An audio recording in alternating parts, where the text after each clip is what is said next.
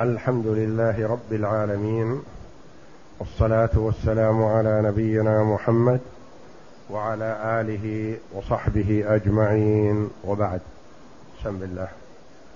بسم الله الرحمن الرحيم. يقول المؤلف رحمه الله تعالى باب صلاة التطوع. قول المؤلف رحمه الله تعالى باب صلاة التطوع.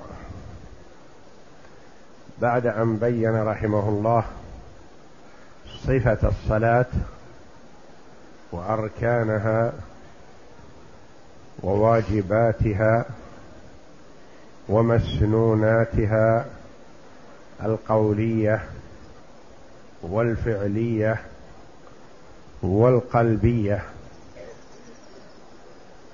بوب هنا لصلاة التطوع وصلاة التطوع أي التي ليست بواجبة ولها ميزة أن الله جل وعلا بفضله ورحمته بعباده وإحسانه إليهم يكمل جل وعلا ما نقصه العبد من الفرائض بما قدمه من تطوع. فرض الصلاة بتطوع الصلاة ونقص فرض الزكاة بتطوع الزكاة وفرض الصيام بتطوع الصيام وهكذا بسائر الأعمال. فإنه إذا كان على العبد نقص فيما افترض الله جل وعلا عليه أكمل ذلك جل وعلا بتطوع العبد الذي قدمه. فإن لم يكن عليه نقص بفرائضه نال بتطوعه الثواب والدرجات العلى بهذا التطوع وينتفع بتطوعه بما تطوع به في الدنيا والآخرة. وأفضل ما يتقرب العبد إلى ربه جل وعلا بأداء الفرائض. فلا يصح من العبد العاقل أن يتقرب إلى الله بالنوافل ويهمل الفرائض. فبعض الناس يتقرب إلى الله بصلاة التراويح مثلا وهو مقصر في الفرائض. وهذا لا يليق ولا يصح من العبد فأفضل ما يتقرب العبد إلى ربه به الفرائض. ثم بعد أداء الفرائض العبد يتقرب إلى ربه جل وعلا ويتحبب إلى عبده إلى ربه بالنوافل نوافل العبادة. كما ورد في الحديث القدسي ما تقرب إلي عبدي بشيء أحب إلي مما افترضته عليه ولا يزال عبدي يتقرب إلي بالنوافل حتى أحبه. فإذا أحببته كنت سمعه الذي يسمع به وبصره الذي يبصر به ويده التي يبطش بها ورجله التي يمشي بها ولئن سألني أعطيته ولئن استعاذني لأعيذنه. فتقرب العبد إلى ربه بالفرائض والإكثار من النوافل يحفظ الله جل وعلا بذلك سمعه وبصره ويده ورجله من أن تمتد واحدة منها إلى ما حرم الله. ويكون حبيب الله جل وعلا. فإذا سأل الله أعطاه وإذا استعاذ بالله أعاذه. ومن رحمة الله جل وعلا بعباده أنه لم يوجب عليهم النوافل. وإنما هي زيادة فضل وثواب للعبد إذا فعلها. وإذا اقتصر على الفرائض كفاه ذلك. فالرجل الذي سأل النبي صلى الله عليه وسلم عما افترض الله عليه بين له النبي صلى الله عليه وسلم الفرائض بالصلاة والصيام والزكاة والحج. فقال هل علي غيرها؟ قال لا إلا أن تطوع. قال والذي بعثك بالحق لا أزيد على هذا ولا أنقص. فقال النبي صلى الله عليه وسلم أفلح إن صدق. إذا أدى الفرائض كما أمر أفلح إن صدق. فيحصل الفلاح بأداء الفرائض والعبد يحرص على التقرب إلى الله جل وعلا بالنوافل ليكون حبيب الله. نعم. وهي أفضل أفضل تطوع البدن لقول رسول الله صلى الله عليه وسلم. واعلموا أن خير أعمالكم الصلاة. رواه ابن ماجه. ولأن فرضها آكد الفروض فتطوعها آكد التطوع. صلاة التطوع هي أفضل تطوع البدن. أفضل تطوع البدن بالصلاة. أفضل من الحج؟ نعم. لما؟ لأن الصلاة أفضل من سائر أعمال البدن. الصلاة المفروضة أفضل الفرائض وأهم الفرائض البدنية. فتطوع الصلاة أفضل من تطوع الحج وغيره من الأفعال البدنية. لقول النبي صلى الله عليه وسلم واعلموا أن خير أعمالكم الصلاة. الصلاة هي خير عمل يقوم به البدن بعد شهادة أن لا إله إلا الله وأن محمدا رسول الله لأن الشهادتين عليهما الأساس. إذا لم يات بهما العبد فلا ينفع عنده عمل أي عمل. لا ينفع لا صلاة ولا صيام ولا زكاة ولا حج. إذا لم يأتي بالأساس الذي هو الشهادتان. واعلموا أن خير أعمالكم يعني عمل تقومون به في الإسلام هو الصلاة. المفروضة فهي أفضل الفرائض والتطوع هو أفضل التطوع. نعم. وهي تنقسم أربعة أقسام. أحدها السنن الرواتب وهي وهي تنقسم إلى أربعة أقسام. التطوع بالصلاه إلى أربعة أقسام. قسم يتبع الصلوات. قسم يتبع الصلوات الخمس. ويسمى رواتب. بما في ذلك الوتر وما في ذلك صلاة الضحى وبما في ذلك الصلاة ذوات الأسباب. فهي أربعة أقسام. قسم رواتب وقسم تشرع لها الجماعة كصلاة التراويح كما سيأتينا. القسم الثاني. القسم الثالث التطوع المطلق الذي يجوز في كل وقت ويستحب في كل وقت كما سيأتينا.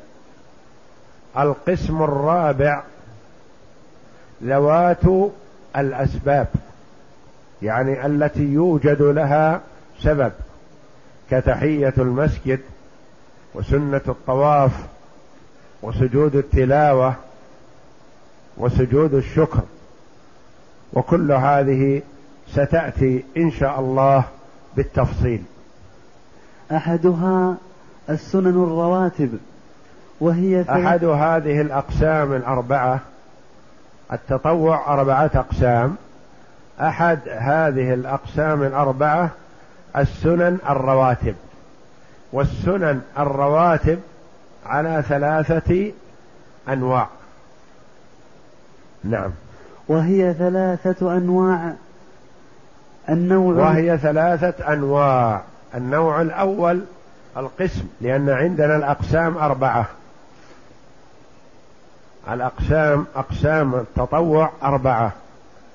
القسم الأول السنن الرواتب. والسنن الرواتب ثلاثة أنواع. لا أقسام ثلاثة أنواع. قس نوع تبع الصلاة قبلها أو بعدها. ونوع الذي هو الوتر. ونوع ثالث هو صلاة الضحى. إذا فالتطوع أربعة أقسام. قسم من هذه الأربعة الرواتب. والرواتب ثلاثة أنواع. النوع الأول ما يتبع الصلاة قبلها أو بعدها. النوع الثاني الوتر. النوع الثالث صلاة الضحى. وستأتي هذه بالتفصيل إن شاء الله. نعم. النوع الأول الرواتب مع الفرائض وآكدها عشر ركعات ذكرها ذكرها ابن عمر قال حفظت من النبي صلى الله عليه وسلم عشر ركعات ركعتين قبل الظهر وركعتين بعدها وركعتين بعد المغرب في بيته وركعتين بعد العشاء في بيته وركعتين قبل الصبح. كانت ساعة لا يدخل على النبي صلى الله عليه وسلم فيها أحد حدثتني حفصة أنه كان إذا أذن المؤذن وطلع الفجر صلى ركعتين متفق عليه. أولها السنن الرواتب. كان النبي صلى الله عليه وسلم يحافظ عليها حضرا وهي عشر ركعات. حفظها ابن عمر رضي الله عنه عن النبي صلى الله عليه وسلم. شيء رآه بنفسه بمتابعته لأفعال النبي صلى الله عليه وسلم. حرص الصحابة رضي الله عنهم على الاطلاع على أعمال النبي صلى الله عليه وسلم. ومن أشد الصحابة حرصا ابن عمر رضي الله عنه.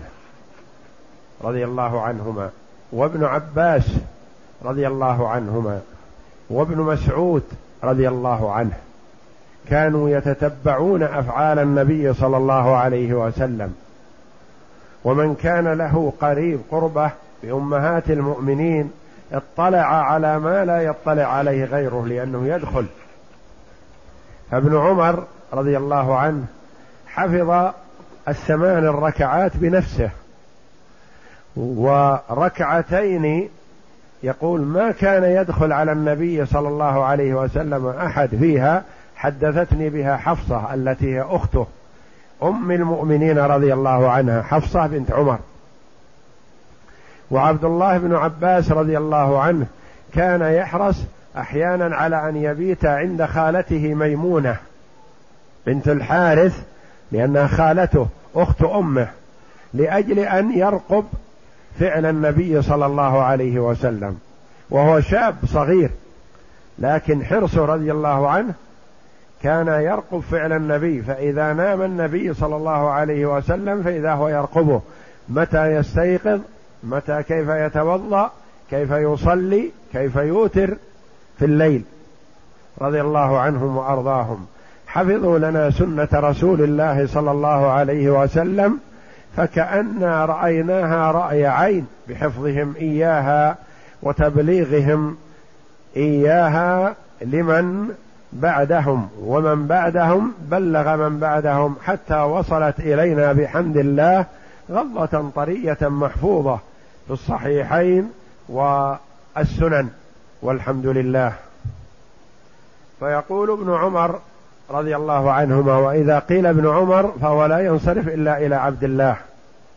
وأولاد عمر كثير رضي الله عنه وأولاده رضي الله عنهم ورحمهم لكن إذا قيل ابن عمر فالمقصود به عبد الله. نعم.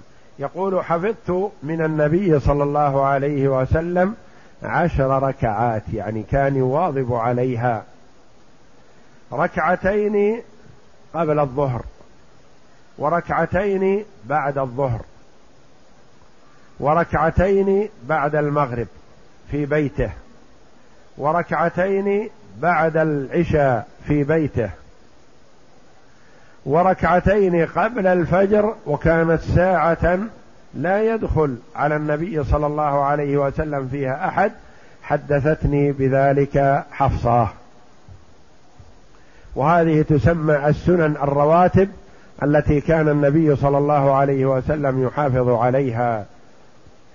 وكان يحافظ عليها في الحضر عليه الصلاة والسلام وقد يتركها في السفر سوى ركعتي الفجر. فركعتا الفجر ما كان النبي صلى الله عليه وسلم يتركهما لا حضرا ولا سفرا. وكذا الوتر كما سيأتينا إن شاء الله. وآكدها ركعتا الفجر. قالت عائشة آكد هذه الصلوات الركعات العشر هي ركعة الفجر. نعم. قالت عائشة إن رسول الله صلى الله عليه وسلم لم يكن على شيء من النوافل أشد معاهدة منه على ركعتي الفجر. وقال ركعتا الفجر أحب إلي من الدنيا وما فيها رواهما مسلم وقال صلوا رواهما يعني الحديثين.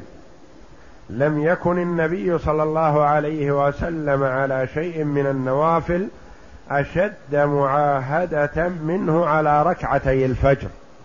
يعني كان يحرص عليها حرصا شديدا. هذا الحديث عن عائشة رواه مسلم. وقال النبي صلى الله عليه وسلم ركعتا الفجر أحب إلي من الدنيا وما فيها. يعني كل ما في الدنيا لا يساوي عندي ركعتا الفجر سنة الفجر. فكان عليه الصلاة والسلام يهتم لها ويحرص عليها ويبلغ ذلك للأمة. نعم. وقال صلوهما ولو طردتكم الخيل رواه أبو, أبو داود. هذا من شدة محافظته عليها وتأكيده صلى الله عليه وسلم للأمة بصلاتها. قال فيما رواه أبو داود صلوهما أي ركعتا الفجر. ولو طردتكم الخيل. يعني لو كنتم ملحوقين من قبل أعدائكم بالخيل صلوا وأنتم تركضون وأنتم هاربين. كصلاة الجماعة يعني ألحقها بالأهمية يكاد أن تكون بمثابة صلاة الفريضة. صلاة الفريضة كما تقدم لنا أنها تصلى وكما سيأتينا في صلاة الخوف أنها تصلى ولو أن المرأة يركض هارب أو لاحق أو في حال قتال. ولو أنه يضرب بالسيف يصلي الفريضة. لا يترك الفريضة يخرج وقتها وقتها وهو لم يصلها ولو أنه في حال قتال يصلي. ما استطاع أن يسجد ويركع بالإيماء. يقول الله أكبر سبحان ربي العظيم وهو لاحق يركض أو يضرب بالسيف. ويقول الله أكبر سبحان ربي الأعلى ونظره إلى العدو. لا يسجد ولا يركع في حال الخوف الشديد. ولذا قال صلوهما أي ركعتا الفجر. ولو طردتكم الخيل رواه أبو داود. نعم. ويستحب له تخفيفها تخفيفهما لقول عائشة كان رسول الله صلى الله عليه وسلم يصلي ركعتي الفجر فيخفف حتى أني لا أقول هل قرأ فيها بفاتحة الكتاب. متفق عليه. ويستحب تخفيفهما ركعتا الفجر. يعني ما ينبغي أن يطول فيهما بالقراءة وإنما يخفف حتى إن عائشة رضي الله عنها من شدة تخفيف النبي صلى الله عليه وسلم تقول هل قرأ بالفاتحة أو لا؟ وهو عليه الصلاة والسلام لا شك أنه قرأ بالفاتحة ويقرأ مع الفاتحة إما آية من البقرة كما ورد أو قل يا أيها الكافرون وقل هو الله أحد. كان يقرأ في ركعتي الفجر أحيانا آيتين إحداهما من سورة البقرة والأخرى من سورة آل عمران كما سيأتينا. أو أحيانا يقرأ فيهما بقل يا أيها الكافرون وقل هو الله أحد. نعم. يقرأ فيهما وفي ركعتي المغرب قل يا أيها الكافرون وقل هو الله أحد. قال أبو هريرة إن النبي صلى الله عليه وسلم قرأ في ركعتي الفجر قل يا أيها الكافرون وقل هو الله أحد. رواه مسلم.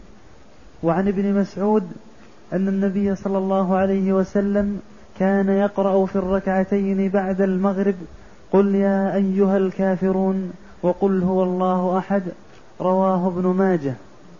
كان عليه الصلاة والسلام يحرص على قراءة هاتين السورتين العظيمتين.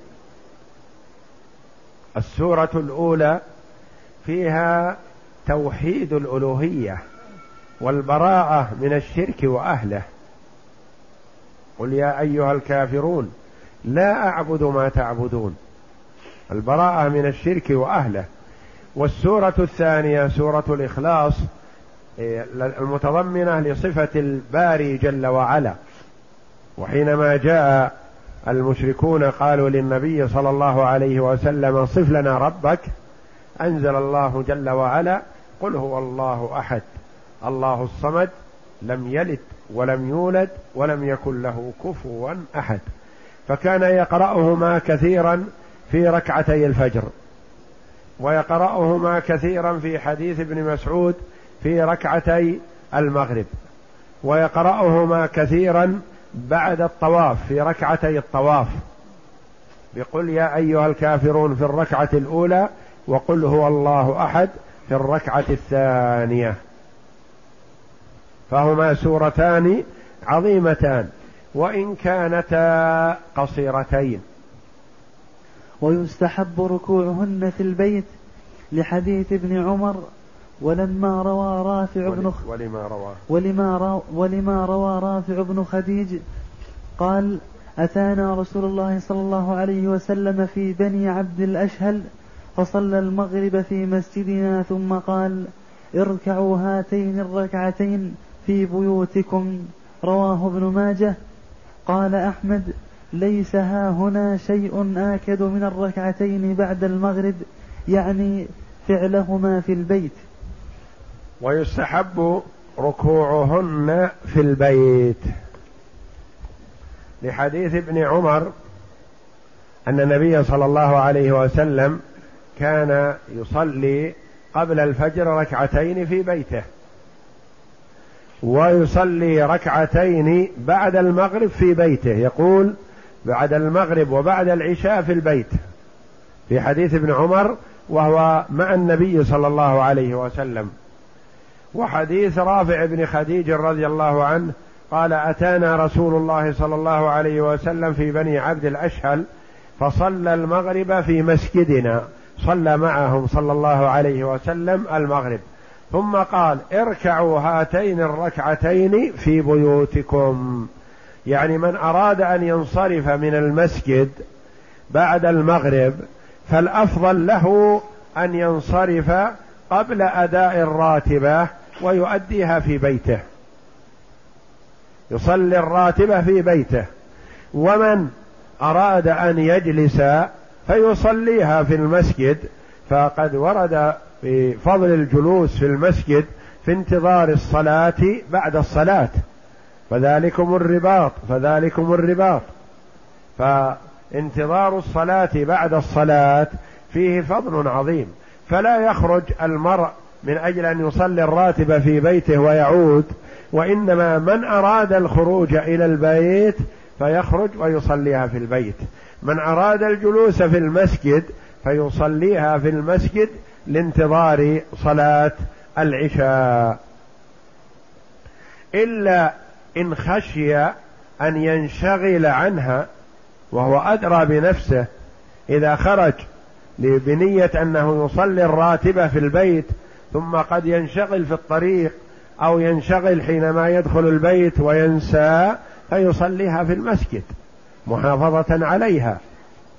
فإذا كان عليها خطر في النسيان أو الانشغال عنها فيصليها في المسجد. وأما إذا اطمأن بأنه سيؤديها في المسجد في البيت فصلاتها في البيت أفضل. نعم. ويستحب المحافظة على أربع قبل الظهر وأربع بعدها لما روت أم حبيبة قالت سمعت رسول الله صلى الله عليه وسلم يقول من حافظ على أربع قبل الظهر وأربع بعدها حرمه الله على النار. قال الترمذي هذا حديث صحيح. هذه العشر الرواتب المؤكدة. ركعتان قبل الظهر وركعتان بعد الظهر وركعتان بعد المغرب في البيت وركعتان بعد العشاء في البيت وركعتان قبل الفجر في البيت. ثم تأتي بعدها الرواتب التي يستحب المواظبة عليها وليست بمنزلة العشر دون العشر وهي أربع ركعات قبل الظهر وأربع ركعات بعد الظهر. لقول النبي صلى الله عليه وسلم من حافظ على أربع قبل الظهر وأربع بعدها حرمه الله على النار. وعلى أربع قبل العصر لما روى ابن عمر قال قال رسول الله صلى الله عليه وسلم رحم الله امرأ صلى قبل العصر أربعا رواه أبو داود. ومن المستحبات كذلك وإن لم تكن رواتب أربع ركعات قبل العصر. فإذا دخل المرء المسجد لصلاة العصر يصلي ركعتين ويسلم ثم يصلي ركعتين ويسلم أفضل. لما روى ابن عمر قال قال رسول الله صلى الله عليه وسلم رحم الله امرأ صلى قبل العصر أربعا وليس المراد قبل دخول وقت صلاة العصر وإنما قبل الفريضة قبل فريضة العصر أربع ركعات مثنى مثنى وفي رواية صلاة الليل والنهار مثنى مثنى يعني ركعتين ركعتين. نعم. وعلى ست بعد المغرب لما روى أبو هريرة قال قال رسول الله صلى الله عليه وسلم من صلى بعد المغرب ستا لم يتكلم بينهن بسوء. عدلن له عبادة ثنتي عشرة سنة. رواه الترمذي. ومما يستحب كذلك صلاة ست ركعات بعد المغرب. يعني إذا صلى المغرب صلى ست ركعات. لقوله صلى الله عليه وسلم فيما رواه أبو هريرة رضي الله عنه من صلى بعد المغرب ستا لم يتكلم بينهن بسوء. يعني لا حرج أن يتكلم بينهن بكلام حسن لكن يحذر أن يتكلم بكلام سيء سب أو شتم أو غيبة أو نميمة أو قول زور أو شهادة زور. لم يتكلم بينهن بسوء عدلن له عبادة ثنتي عشرة سنة. هذا ثوابها. والله جل وعلا يعطي الجزيل. نعم. رواه الترمذي. نعم. وعلى أربع بعد العشاء لقول عائشة رضي الله عنها ما صلى ما صلى رسول الله صلى الله عليه وسلم العشاء قط إلا صلى أربع ركعات أو ست ركعات. رواه أبو داود. وكذلك مما يستحب صلاة أربع ركعات بعد العشاء. إذا وصل المرء إلى بيته صلى أربع ركعات. ركعتين ركعتين. وإن جمع وصلى الراتبة ركعتين ثم صلى أربع ركعات لأنه كان أحيانا يصلي أربع وكان وأحيانا يصلي ست ركعات لقول عائشة رضي الله عنها ما صلى رسول الله صلى الله عليه وسلم العشاء قط إلا صلى أربع ركعات أو ست ركعات. يعني في بيتها. رواه أبو داود. نعم. فصل النوع الثاني الوتر. تقدم لنا عرفنا أن النوافل أربعة أقسام. القسم الأول الذي مع الصلوات وهو ثلاثة أنواع. النوع الأول ما تقدم قبل الصلاة وبعد الصلاة. ما هي؟ عشر الركعات المتقدمة. ركعتان قبل الظهر وركعتان بعدها. وركعتان بعد المغرب وركعتان بعد العشاء. وركعتان بعد الفجر. هذه عشر. ومما يستحب أربع ركعات قبل الظهر وأربع ركعات بعد الظهر. وأربع ركعات بعد العصر قبل العصر. وأربع وست أربع أو ست ركعات بعد المغرب. وأربع ركعات أو ست ركعات بعد العشاء. هذه التي قبل الصلاة وبعدها. النوع الثاني من الرواتب صلاة الوتر. نعم. صلاة الوتر وهي سنة مؤكدة لمداومة النبي صلى الله عليه وسلم عليه في حضره وسفره. وروى أبو أيوب أن النبي صلى الله عليه وسلم قال الوتر حق فمن أحب أن يوتر بخمس فليفعل ومن أحب أن يوتر بثلاث فليفعل ومن أحب أن يوتر بواحدة فليفعل. رواه أبو داود. الوتر سنة مؤكدة. وكان النبي صلى الله عليه وسلم لا يتركه لا حضرا ولا سفرا. وكان إذا مرض أو كسل صلى قاعدا عليه الصلاة والسلام. والوتر ركعاته أقله ركعة أقله ركعة. مثلا مسافر صلى المغرب ثلاث ركعات. ثم صلى العشاء ركعتين جمعا وقصرا. ثم صلى الوتر ركعة. كفاه ذلك. بعد صلاة العشاء.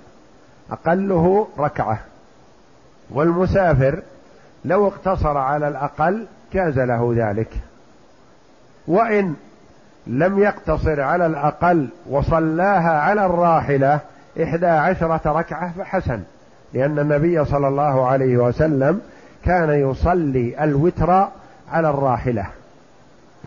إن تيسر له استقبال القبلة عند تكبيرة الإحرام فعل. كبر للإحرام باتجاه القبلة ثم باتجاه سيره. وإما تيسر له كبر بالنافلة الوتر إلى جهة سيره ولم ولا يلزمه أن يتوجه إلى القبلة. صلاة السفر. فإن أحب أن يوتر بواحدة وهو يصلي المغرب والعشاء جمعا مثلا فله أن يوتر بركعة. وإن أحب أن يوتر بثلاث فهو أفضل. وإن أحب أن يوتر بخمس فهو أفضل. وإن أحب أن يوتر بسبع فهو أفضل. وإن أحب أن يوتر بتسع فهو أفضل. وإن أحب أن يوتر بإحدى عشرة فذلك أكمل. وهو وتر النبي صلى الله عليه وسلم الذي واظب عليه بإحدى عشرة. وصفة أدائها كما سيأتينا. إذا أوتر بواحدة صلى ركعة واحدة بعد صلاة العشاء فلا بأس. وإن أوتر بثلاث فالأفضل أن يجعلها بسلامين. يسلم من ركعتين ثم يسلم من ركعة. وإن أوتر بخمس سردها ولم يسلم إلا في آخرها. ولا يجلس إلا في آخرها. وإن أوتر بسبع سرد ستا. ثم جلس وتشهد ثم قام وأتى بالسابعة وسلم منها. وإن أوتر بتسع لم يجلس إلا في الثامنة سردها. فيجلس في الثامنة ويتشهد ولا يسلم ثم يقوم ويأتي بالركعة التاسعة ويتشهد ويسلم. وإن أوتر بإحدى عشرة سلم من كل ركعتين وأوتر بواحدة. هذه صفة وتر النبي صلى الله عليه وسلم. أوتر بواحدة بسلام. أوتر بثلاث بسلامين. أوتر بخمس بسلام واحد لم يجلس إلا في آخرها. أوتر بسبع جلس في السادسة ولا يسلم ثم قام إلى السابعة وأتى بها وسلم. أوتر بتسع لم يجلس إلا في الثامنة ثم يقوم إلى التاسعة ويتشهد ويسلم بسلام واحد. أوتر بإحدى عشرة سلم من كل ركعتين ثم سلم من الحادية عشرة وحدها. ويستحب للمرء أن يفعل هذه كلها. أحيانا يوتر بواحدة. ورد أن عثمان بن عفان رضي الله عنه دخل الحجر من الكعبة شرفها الله وكبر بعد صلاة العشاء كما قال الراوي يقول فما رأيته يسجد إلا في سجدات التلاوة حتى ختم القرآن في ركعة واحدة رضي الله عنه. ما رأيته يسجد إلا في سجدات التلاوة. قرأ القرآن كله في ركعة. ما تقول الركعة قليلة؟ فيها خير. ما سجد إلا في سجدات التلاوة وعندما قرأ قل أعوذ برب الناس ركع وسجد وسلم رضي الله عنه وأرضاه. فيقرأ في الركعة الواحدة ما تيسر. يقرأ أربعة أجزاء خمسة أجزاء عشرة أجزاء ما تمكن منه. قد لا يستطيع المرء أن يأتي بما أتى به عثمان. وإذا جاهد نفسه ليطبق فحسن. من قدر على ذلك يجرب المرء نفسه. فإن أحب أن يوتر بثلاث فأحيانا يوتر بثلاث. والثلاث كذلك يقرأ في الركعتين ما أراد ثم يوتر بركعة. وإن أحب أن يوتر بخمس وإن أحب أن يوتر بسبع وإن أحب أن يوتر بتسع ويكثر أو يواظب على الوتر بإحدى عشرة لأنه أكثر ما واظب عليه النبي صلى الله عليه وسلم. فيحاول المسلم الحريص على تطبيق السنة أن يطبق هذا أحيانا وهذا أحيانا وهذا أحيانا لأجل أولا تطبيق سنة رسول الله صلى الله عليه وسلم ثم تطبيق ما علمه ثم رسوخ هذا الشيء بإذن الله. إذا كان الإنسان علم شيئا فطبقه ثبت عنده بإذن الله. كما هي حال الصحابة رضي الله عنهم وأرضاهم. يقول عبد الله بن مسعود رضي الله عنه كنا إذا تعلمنا عشر آيات من النبي صلى الله عليه وسلم لم نتجاوزهن حتى نتعلم ما فيهن من العلم والعمل. يقول فتعلمنا العلم والعمل جميعا. فثمرة العلم التطبيق والعمل. تعلم أن هذا يجوز أو يستحب ولا تفعله وتعلم أن هذا محرم وتأتيه لا هذا العلم يكون وبال على صاحبه إذا علمه ولم يعمل به. فثمرة العلم العمل. ولهذا قال العلماء ثمرة العلم العمل مثل الشجر. نخلة في البيت مثلا ما فيها ثمرة ما الفائدة منها؟ ليس فيها فائدة. أو قد يكون فيها فائدة لكنها قليلة فائدة الظل مثلا والعلم ما يخلو من فائدة. لكن هو يخرف من نخلته هذه الفائدة الكبرى يستفيد منها. وكذلك علمه إذا طبقه استفاد منه. إذا طبقه استفاد. فمن ثمرة العلم العمل. ومما يقيد العلم ويحفظه أن المرء يطبق. إذا علم شيئا حاول أن يطبقه. حتى وإن كان أقل مما يفعل بل معتادا. إذا كان من عادته أن يوتر مثلا بإحدى عشرة. يطبق ما علم بهذا يجرب يوتر مرة بركعة واحدة ويقرأ فيها ما شاء من القرآن. يوتر بثلاث وكذلك يوتر بخمس وهكذا ليطبق ما تعلمه نعم. وحكي عن أبي بكر أنه واجب. لذلك والصحيح أنه ليس بواجب لأنه, لأنه يصلى على الراحلة من غير ضرورة ولا يجوز ذلك في واجب. وحكي عن بعض العلماء رحمهم الله والمراد بأبي بكر هذا من آه، أئمة الحنابلة من فقهاء الحنابلة وليس المراد به الصديق رضي الله عنه. آه، أنه واجب لأن بعض العلماء يقول إنه واجب الوتر. لقول النبي صلى الله عليه وسلم الوتر حق. والحق يعني الواجب.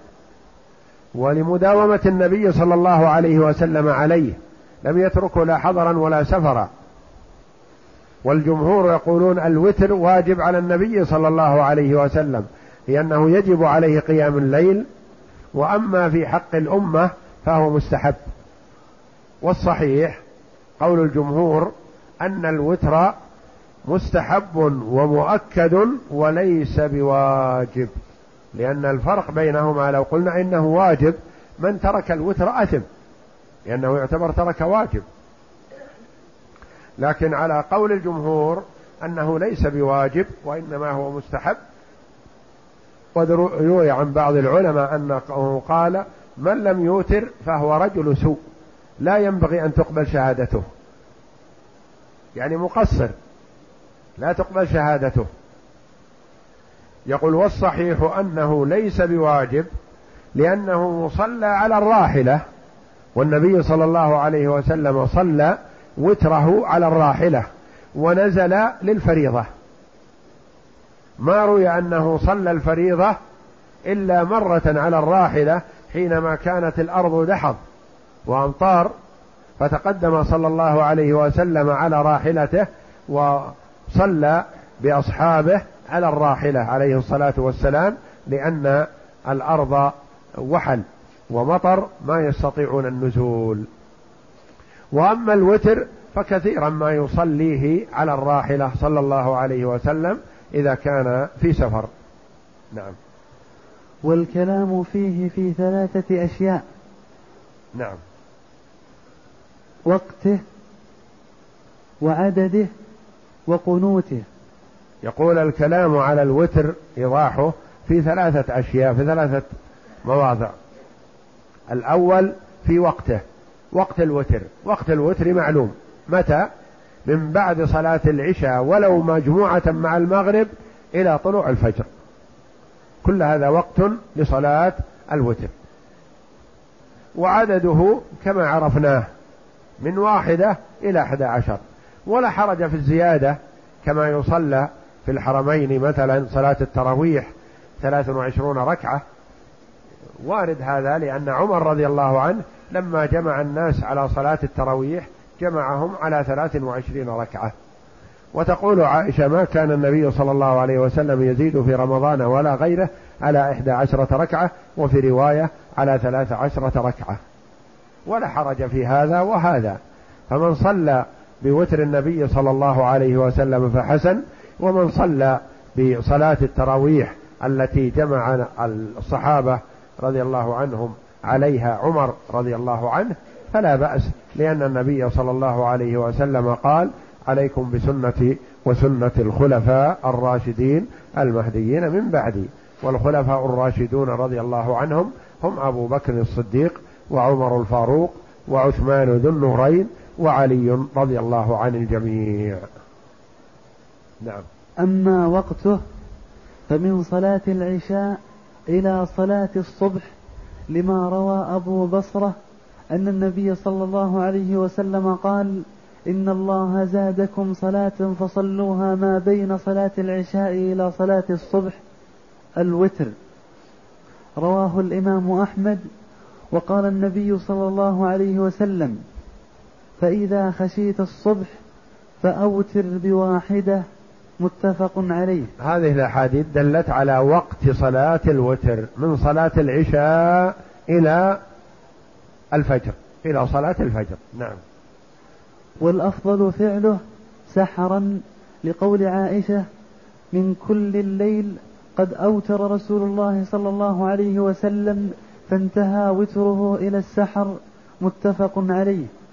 ومن كل الليل أوتر النبي صلى الله عليه وسلم يعني الوقت من بعد صلاة العشاء ولو مجموعة مع المغرب إلى الفجر.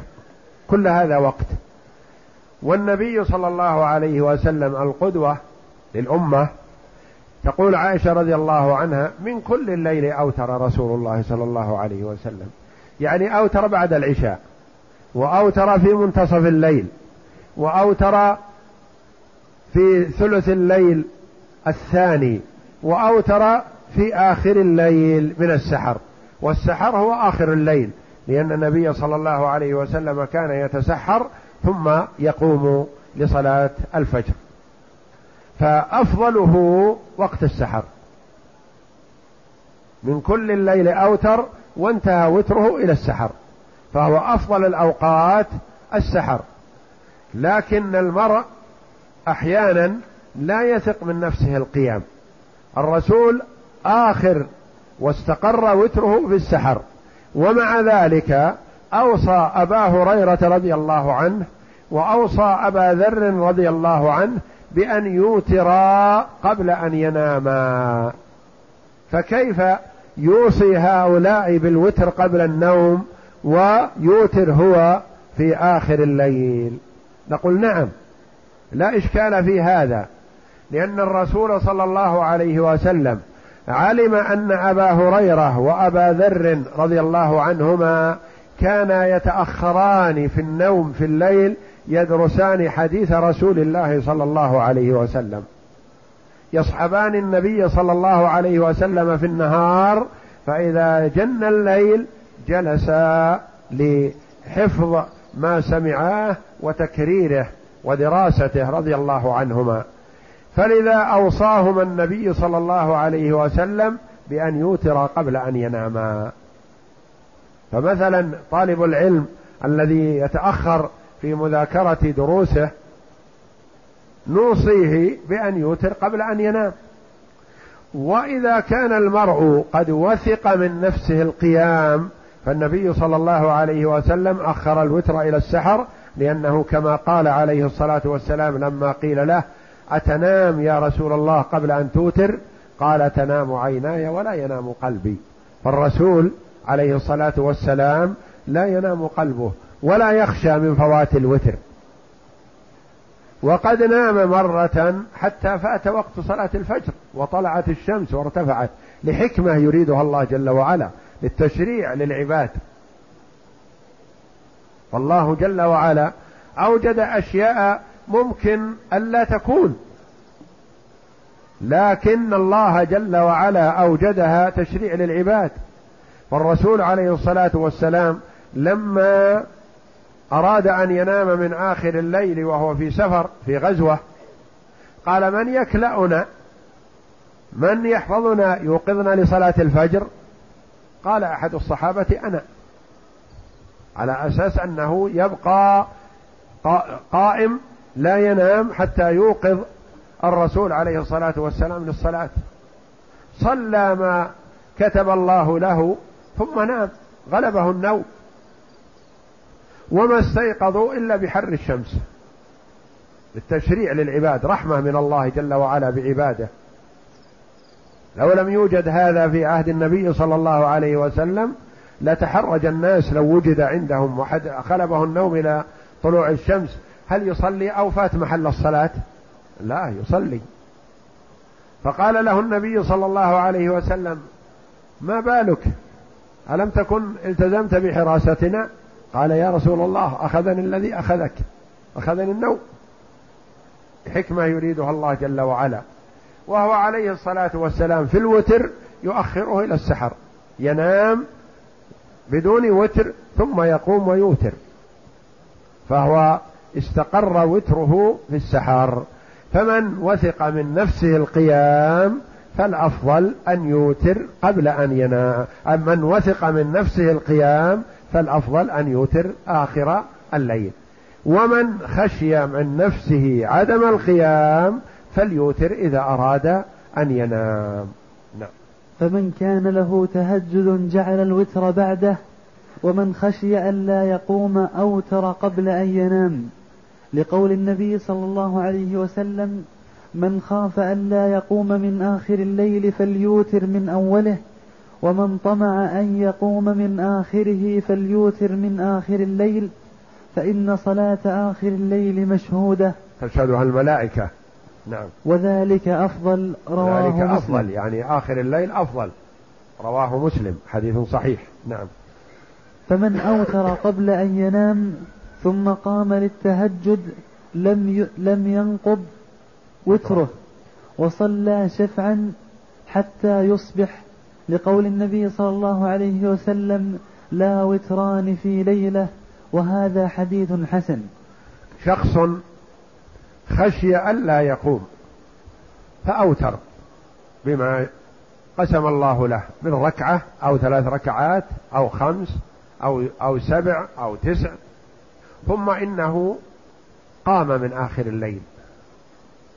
هل صلاته الوتر أول الليل تمنعه من الصلاة آخر الليل؟ لا. وهل يوتر ثانية؟ لا.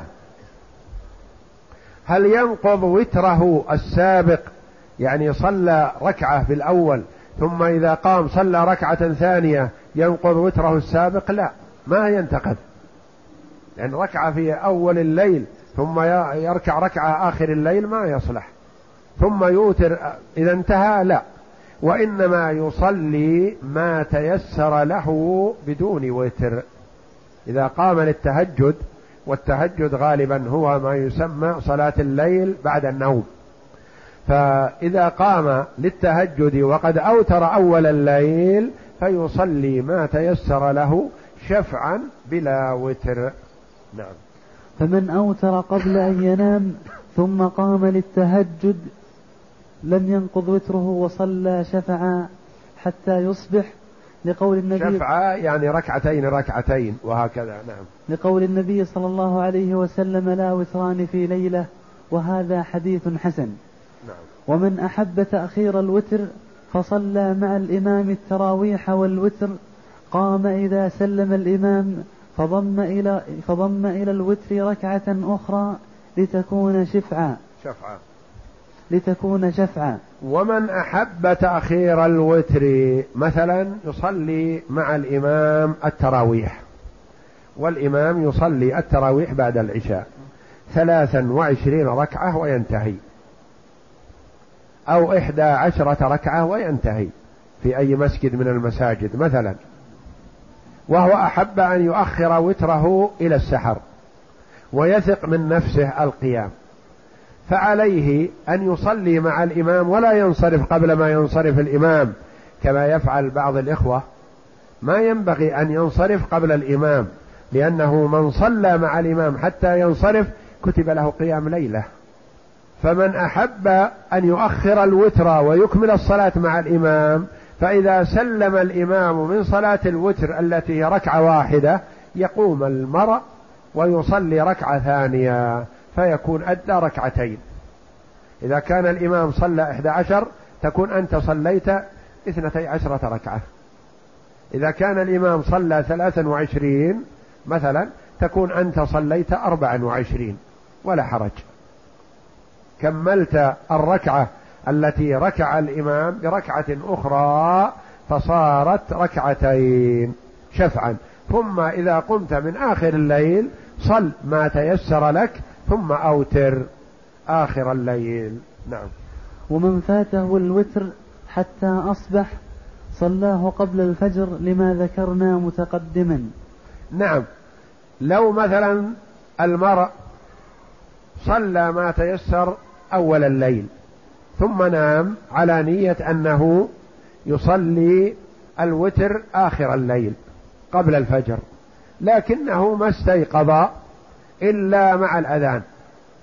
في هذه الحال يرى بعض العلماء أنه يصليه لأن النبي صلى الله عليه وسلم في الأحاديث السابقة قال زادكم صلاة فصلوها بين صلاة العشاء إلى صلاة الصبح.